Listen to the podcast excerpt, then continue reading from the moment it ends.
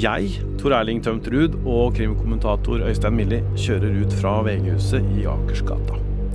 Igjen har det kommet nye opplysninger i Lørenskog-saken.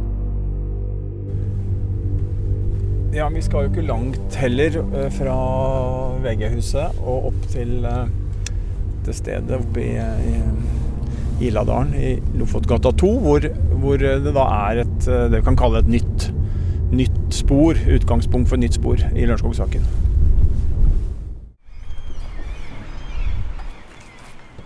Da, da, skal vi ned den gata her. Ok. Så går vi ned her. Her er det jo boligblokker og bebyggelse.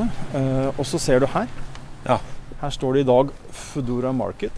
Men det her, det var i 2017 en bunnprisbutikk.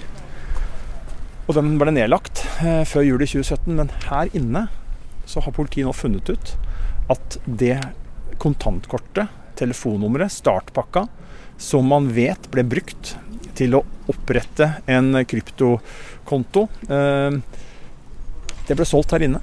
Eller det var i hvert fall til salgs her inne. Og så er det litt usikkerhet på om det ble solgt her eller sendt videre når butikken ble nedlagt. Men vi vet at det kontantkortet det har vært til salgs her inne.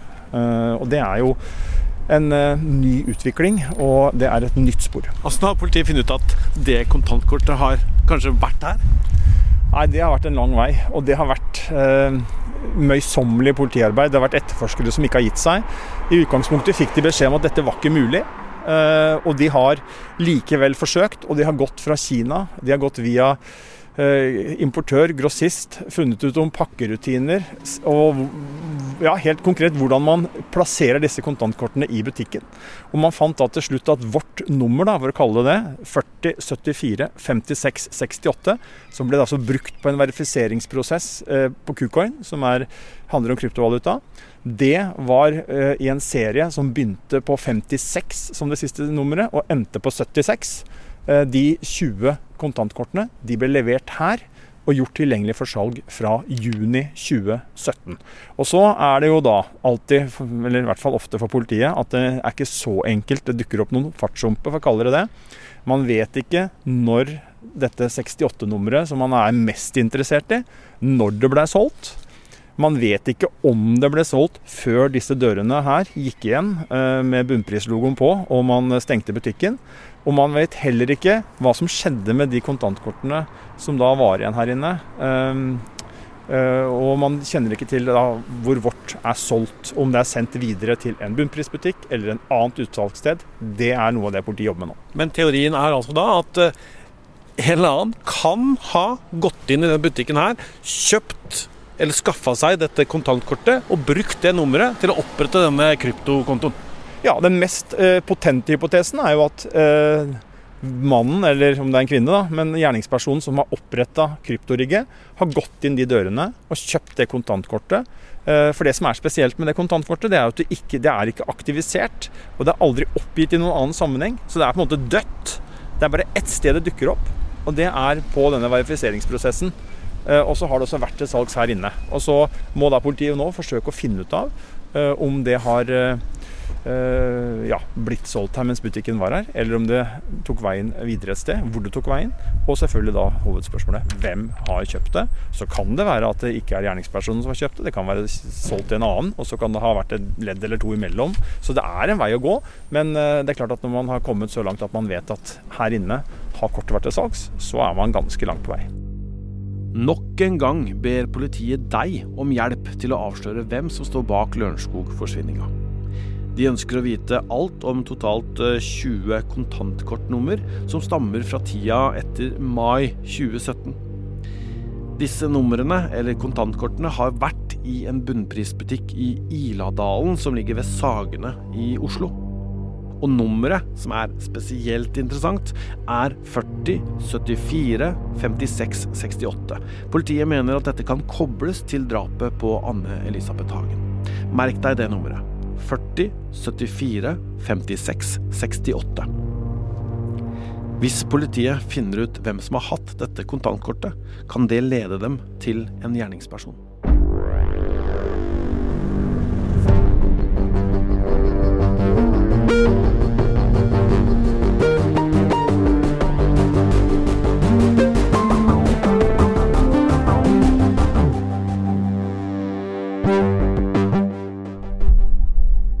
Ok. Uh, dette her må vi se litt nærmere på, Øystein. Uh, det ene nummeret som slutter på 68, altså det som da har uh, blitt brukt i dette kryptorygget, hva er det liksom da konkret har blitt brukt til? Da skal vi spole tida litt tilbake igjen for den som husker dette stjålne passet og Ole Henrik Golfs identitet som var misbrukt. Og I den forbindelse så var det sånn at gjerningspersonene i vår sak altså de var inne på en kryptovekslingsbørs som heter Qcoin. og For å registrere seg der, så må man oppgi en del informasjon. Og Da brukte man Ole Henrik Golf sitt uh, stjålne pass. Uh, han brukte navnet hans. Og De brukte en e-postadresse de hadde oppretta i hans navn. Og så brukte de et telefonnummer. Og det er jo det vi snakker om nå. Det er der vi står nå. Telefonnummeret 4074 56 68. Det har politiet visst ganske lenge at det er brukt. Men spørsmålet er jo hvem som har hatt dette telefonnummeret, hvorfor det er oppgitt. Man har visst at det har vært et uregistrert kontantkort, og så er det da vært et mål å finne ut av uh, hvor det er solgt, og selvfølgelig hvem som har kjøpt det. Og det er der jakten står akkurat nå. Men ikke sant, Hvis jeg skal logge meg inn på noe og bruke telefonnummeret mitt, så er jo det ofte for at jeg skal få en slags kode tilbake eller noe sånt. da, Men dette nummeret er jo ikke aktivisert. Det er riktig, og det tyder jo på at man ikke behøver å motta noe. For dette har vi vært med på alle. Vi, av og til når du skal verifisere noe, så får du som du sier en link på en SMS hvor du må gå inn og trykke på den, og så, og så bekrefter det på en måte at det er, er deg. Eh, men det har da helt åpenbart ikke vært tilfellet her. Man har klart å registrere seg eh, på denne Qcoin uten at man får denne eh, en SMS. Og så er jo spørsmålet som man kan tenke seg eh, gal på, det er jo hvorfor man har brukt akkurat dette telefonnummeret. Eh, man kan tenke seg at det er tilfeldig, at det er noen som sitter og gjetter på et nummer og bare tatt et nummer. Det er stor risiko ved, nettopp eh, med tanke på om det sendes ut en SMS eller noe, for da vil jo noen få den SMS-en. Og så er det jo mm, sånn ikke sant, at dette telefonnummeret, når man finner ut at det faktisk ikke tilhørte noen, men at det var et uregistrert kontantkort som var til salgs og ikke har blitt aktivert, som du sier, så tyder jo mye på, syns jeg i hvert fall, at dette er noe som eh, eh, ikke er tilfeldig. At gjerningspersonen har visst at dette er nettopp A. et kontantkort, og B. kanskje også at ingen har disponert det. Men kan det være at man har gått inn i den butikken som vi var i, eller var utafor, og så ser man at det henger et kontantkort på en eller annen hylle der, og så ser man Man ser jo der sant, hva som er nummeret til det SIM-kortet. Og så tatt et bilde av det, da, f.eks., og så, og så brukt det? Ja, det er absolutt en hypotese. En av mange muligheter som politiet ser, ser på. Man kan, man kan, se for seg som var inne på, at man har gjetta, tatt et tilfeldig telefonnummer og hatt tidenes uh, flaks på en måte. Mm. Uh, lite sannsynlig. Man kan ha vært inne i butikken og sett på dette kontantkortet og tatt det nummeret. Risikoen da er jo at noen andre har tatt det og kjøpt det. og brukt det. Og så vil jo jeg si at det styrker jo teorien om at uh, det ikke har skjedd, fordi at dette telefonnummeret ikke ble aktivert. Um, så kan man jo tenke seg at uh, det ikke er en gjerningsperson som har kjøpt kontantkortet, at det er kjøpt av noen andre og på en måte blitt overlevert til en gjerningsperson via ett eller to eller tre ledd. Man kan tenke seg en hvis man er ordentlig utspekulert, da. Hvis du er på gata og så ser du en som kanskje har lyst på å tjene noen penger, og så sier du at kan du gå bort til butikken der, kjøpe et kontantkort for meg. Får, du får 1000 kroner for det. Så slipper jeg som gjerningsperson å gå inn i butikken. Jeg får en random person til å gjøre det, og det vil bli veldig vanskelig å spore det. Det er jo én mulighet. Mm. Og så er jo den siste muligheten er jo at det er en gjerningsperson som har, har kjøpt kontantkortet, uh, og at uh, politiet er da så nær, og at det også har skjedd i bunnpris i Illadalen. Og så er det jo selvfølgelig da og sånn er det nok ofte i disse, disse, jakt, altså disse intense jaktene på spor, og når man følger så mange ledd at man møter noen fartshumper. Og det er jo ingen tvil om at det at butikken ble nedlagt, er ingen fordel for politiet. Fordi at man vet jo da ikke om dette kontantkortet faktisk ble solgt der. Hadde butikken fortsatt vært i drift og kontantkortet ikke lå i kassa eller hang i kassa, så kunne man jo ha øh, lagt det til grunn. Men i og med at den ble nedlagt, og man vet at en del varer ble sendt videre, kanskje da til andre bunnprisbutikker, så vet man jo ikke da om dette kontantkortet ble solgt i butikken her, Eh, før, eller, ja, før jul i 2017, eller om det har forsvunnet videre ut i en annen butikk som politiet ikke vet hvor er. Og Det er derfor man nå etterlyser da ikke bare dette telefonnummeret, 40 74 56 68, men man etterlyser også informasjon om denne nummerserien som begynner på 56 og slutter på 76, fordi at man skal prøve å gjennom andre nummer identifisere den som kan ha hatt hånd om dette spesifikke nummeret som ender på 68. Vi skal gå gjennom de eh, numra, men først så har jeg lyst til å spørre deg, hvordan vil du betegne dette nye sporet? Dette er et uh, slags lite gjennombrudd. Uh, og når jeg sier lite, så handler det litt om det vi akkurat snakka om. Om de utfordringene som fortsatt ligger der for politiet. Men, men et betydelig fremskritt, det mener jeg, mener jeg, det er. Og det er jo, bare for å sette det litt i kontekst, så er det jo første gang at politiet, offentlig i hvert fall, da, fysisk har et sted hvor en fysisk gjenstand eh, som kobles til denne drapssaken, eh, har befunnet seg. Vi har jo hørt om Biltema, Sparekjøp, Claes Olsson, at det har vært strips, eh, uh, Sprox og ark og konvolutt. Men der er det ikke kjent i hvert fall at politiet vet hvilken butikk vi, det handler om. Det kan være ja, hvilken som helst Sparekjøp-butikk eller Claes Olsson-butikk. Dette er for første gang man har en butikk. Denne butikken, Lofotgata 2 i Iladalen, der har dette kontantkortet med dette nummeret som gjerningspersonene har brukt, befunnet seg. Mm. Eh, disse numrene som vi snart skal gå gjennom eh, Politiet vil jo vite alt om disse eh, forskjellige numrene. Men hvordan kan det hjelpe politiet til å på en måte vite hvem som hadde dette 68-nummeret, som, som tross alt er det viktigste her? Ja, Nå skal vi snart gå gjennom det grundig, og det handler jo bl.a. om at uh, si, man kjenner ikke kjøperne alle numrene. og Da kan vi jo begynne med å si at det er jo ikke uvanlig at man kjøper flere kontantkortnummer. og Det vil bety at et av de numrene som politiet ikke vet hvem som har kjøpt, kan jo være kjøpt av vår gjerningsmann. Og Så kan det hende at eh, noen sitter der ute og vet om vet om hvem som har kjøpt det nummeret. Og da vil man kunne kanskje da, kunne koble det 68-nummeret som, gjerning, som gjerningspersonen har brukt, til denne personen. Og så er det jo også sånn at man som jeg var inne på, så har man lagt ned denne bunnprisbutikken. Eh, og det er flere kontantkort her som ikke man vet om er solgt, hvor er solgt, og som ikke er aktivert. Og det å da eventuelt få et nytt utsalgssted, f.eks. en bunnprisbutikk et annet sted i Oslo, vil jo kunne gi politiet nye muligheter til å undersøke om dette 68-nummeret også kan være solgt der. Øystein har intervjua påtaleansvarlig Gjermund Hansen. Hva er det du ønsker at uh, folk skal gjøre nå eh, i forhold til dette, disse kontantkortene i denne nummerserien?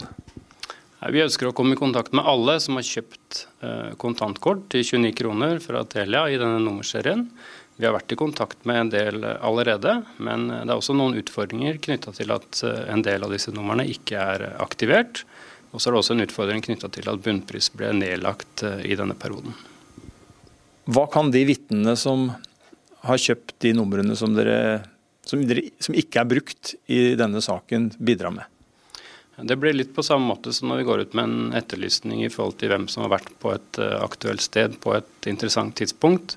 Eh, de kan ha opplysninger om hvor eh, kontantkortene har vært i salgs f.eks. Det kan gi oss en ny lokasjon å jobbe ut fra. I tillegg så vil vi jo kunne følge disse nummerseriene da, for å få mest mulig informasjon som kan bringe oss inn mot eh, vårt nummer, altså dette 68-nummeret. Og Så ser vi også fra andre straffesaker at dette er jo et modus som mange kriminelle har. Eh, og Det er ikke helt uvanlig at de kjøper flere kontantkort samtidig. og På den måten så kan det være relevante spor i, i andre nummer i denne samme nummerserien. Vet dere om dette 68-nummeret faktisk er solgt? Vi kan ikke si det sikkert ennå, i og med at vi ikke har eh, kunnet identifisere kjøper 100% men vi jobber jo selvfølgelig på spreng med dette spørsmålet nå. og Det er jo derfor vi også går ut med nettlysninga, for å kunne få helt sikre svar på dette. Og Hvilke hypoteser jobber dere etter når det gjelder eh, et eventuelt salg av dette kontantkortet? Det er jo flere hypoteser rundt det. Det kan være solgt eh, på bunnpris i Iladalen, og det kan også blitt flytta til et annet sted. Eh, det sentrale spørsmålet her er jo hvordan våre gjerningsmenn har kommet til kunnskap om dette nummeret, og hvorfor de har valgt å bruke akkurat dette. Og Det kan være flere hypoteser knytta til det. Det ene kan være at de har kjøpt det, eller de kan ha fått det andre, eller fått kunnskap om det på, på annen måte. Så nødvendigvis så er det ikke sånn at den som har kjøpt dette kontantkortet eventuelt er en av deres gjerningsmenn? Det kan vi ikke si sikkert, men det er selvfølgelig et uh, viktig spørsmål for etterforskningen. Og det er det vi nå skal uh, finne ut av. Og Hvilke hypoteser jobber dere etter når det gjelder at dette 68-nummeret aldri ble aktivisert? Ja, det er jo interessant, og det er også et modus vi ser på. altså Hvordan er dette anskaffet, hva er det blitt tenkt brukt til? I hvilken grad har gjerningspersonen vært opptatt av å ha kontroll på denne prosessen, nettopp for ikke å bli avslørt? For en aktivisering, det ville ha ført til en større risiko for å bli avslørt. Det er klart, Da legger man igjen spor både om abonnent og ofte også om disponent og andre tekniske spor. Så det kan være en aktuell, eh, en aktuell årsak til at det ikke er aktivisert. Nå skal vi bli litt detaljert her, Øystein. For vi har jo dette dokumentet med alle disse numrene på, som da stammer fra denne aktuelle pakka med 20 kontantkort. Eh, og, og, da 20 telefonnummer som politiet har sånn ja, mer eller mindre kontroll på her. Eh, men denne pakka har altså da vært i denne bunnprisbutikken. Det er riktig. Det kommer, eh, i hvert fall kom den gangen, pakker på 20 og 20. Og det har vært en lang vei for politiet. Det har vært etterforskere som ikke har gitt seg på, på tørre møkka, holdt jeg på å si, og har klart da til slutt å finne ut at denne nummerserien som vi skal gå gjennom nå, den havna i bunnprisbutikken eh, i Iladalen. De, de, sju første, da, hvis vi begynner øverst og går nedover. De sju første SIM-korta det er nummer 40 74 56 56 mm. til 4074-56-62. Hva veit politiet om disse numrene? De vet eh, et fellestrekk, nemlig at det er ukjent om de er solgt. Og da er det også ukjent eh, salgssted. Og så er de ikke aktivert. Um, og det er jo her politiet er veldig interessert i opplysninger. Er det noen der ute som har uh, noen av disse numrene i en ja, kontaktliste eller uh, på en datamaskin, eller har vært borti disse numrene på noe vis, så er politiet svært interessert i å komme i kontakt med vedkommende. Og så er det jo bare én ting å si før vi går videre, Tor Erling, at det er jo interessant at her er det sju kontantnummer uh, i uh, sammenheng som har samme status. Og Det kan jo f.eks. tyde på, eller man kan tenke at det kan bety at én person har kjøpt alle disse syv. At de ikke er solgt. Uh, F.eks. For fordi at de har samme status. Man vet ikke om de er solgt, ikke hvor de er solgt, og heller ikke om de er aktivert. Mm. Og så har du da neste på, på lista. Der er du fra eh, nummer 63 etter slutt til eh, ja, Vi tar vel med da 68, det som er på en måte vårt nummer, eh, fra 63 til 68. Eh, hva kan vi si der, da? Ja, vi kan egentlig begrense til 63 til 67, for der er det altså 63, 64, 65, 66, 67. Alle de numrene er ja. solgt i bunnprisbutikken i Illadalen. Mm. Og så er det én forskjell på dem, og det er at uh, alle numrene unntatt 64 er aktivert. 64 er ikke aktivert. Og så har jeg forstått det som politiet har ganske god kontroll på eh, disse numrene. De ønsker selvfølgelig fortsatt mer informasjon, men her har man jo da klart å finne både at de er solgt, hvor de er solgt, og at de er aktivert. Så det er på en måte eh, noen nummer der som har eh, mer eller mindre da samme status da med det unntaket vi nevnte. Så da veit man jo da på de, på de numrene før vårt 68-nummer, så veit man har god kontroll på hvem som har kjøpt og hvor de befinner seg, kanskje. Ja, det har man. Og så er det jo det fascinerende som vi kommer til nå. ikke sant? Det er jo at 68-nummeret, der er det ukjent om det er solgt. Det er ukjent salgssted, og det er altså ikke aktivert. Så det har det samme statusen som de sju første numrene vi snakka om. Mm. Og Så kommer jo resten av nummerserien, fra 69 til 76. Og så er 73 tatt ut, for den er av eh, noen helt naturlige grunner uaktuell. Eh, der er det sånn at politiet vet at de er solgt, men de vet ikke hvor. Men alle de er aktivert.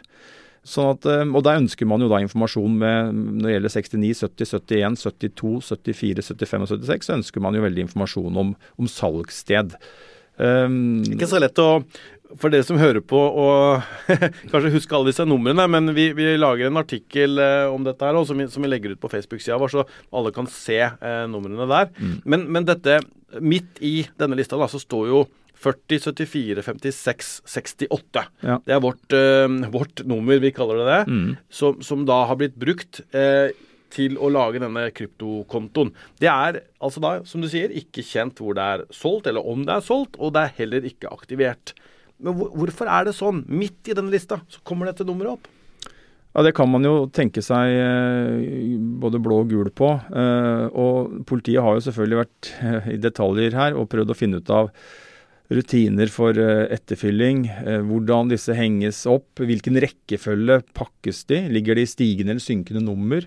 Hvilken vei er pakka åpna? Ikke sant? Det er mange sånne ja, veldig ukjente faktorer som jo ville ha gitt svar der, ville jo ha gitt kanskje mer kunnskap. Og så er det jo Veldig fascinerende at 67-nummeret det er solgt i bunnpris Iladalen. Og så vet man ikke med 68, og så vet man, altså 60, og 69 vet man er solgt, men, men, man har ikke klart å finne ut at det er solgt i Iladalen. Og det er jo spørsmålet om dette 68-nummeret hører til Hvis det er en rekkefølge her, da, så kan man jo lure på om det skal høre til i Iladalen. Eller om det da skal holde, eh, høre til et eventuelt nytt utsalgssted da, som gjelder de øvrige numrene som jo da man ikke vet Man vet at de er solgt, men man vet ikke hvor de er solgt. Så dette er en ordentlig gåte for politiet. Ja, ja vi har jo sett på denne lista noen dager nå, Øystein, og klødd oss litt i huet. For det, det er ikke så lett å bli klok på dette, altså. Nei, det er veldig fascinerende å, å, å sitte, se og tenke og, og, grunne og lure på denne lista. Og så ja, eh, snur og vender på det, og så kommer man jo ikke så mye lenger, men, men det er jo fascinerende, en fascinerende tabell.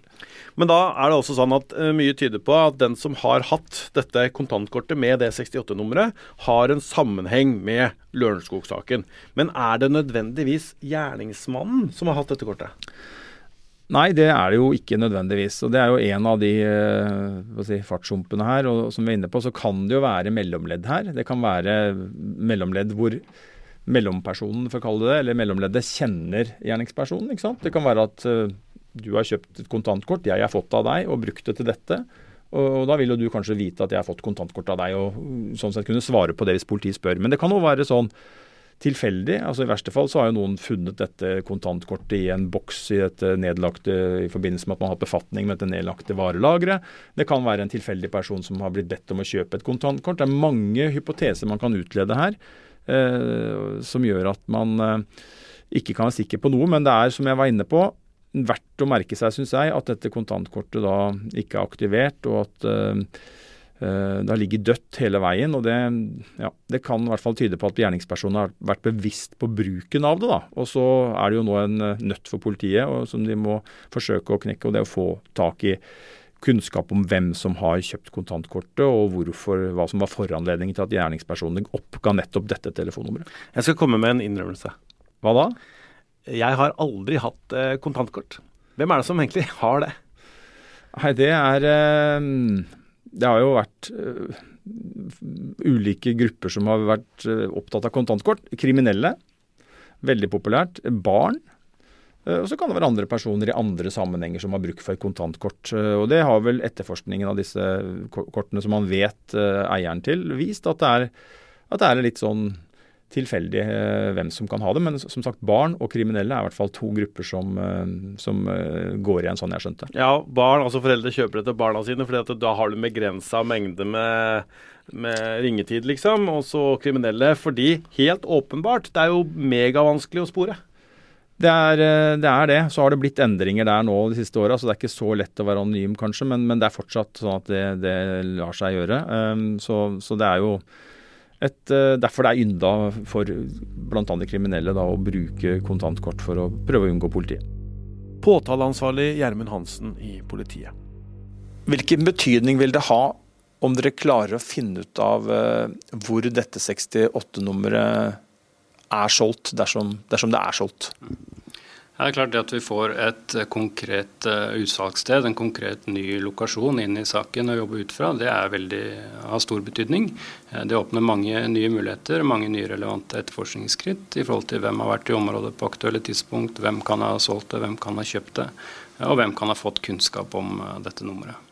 Hvor står denne saken nå, snart tre og et halvt år etter at Anne-Elisabeth Hagen forsvant?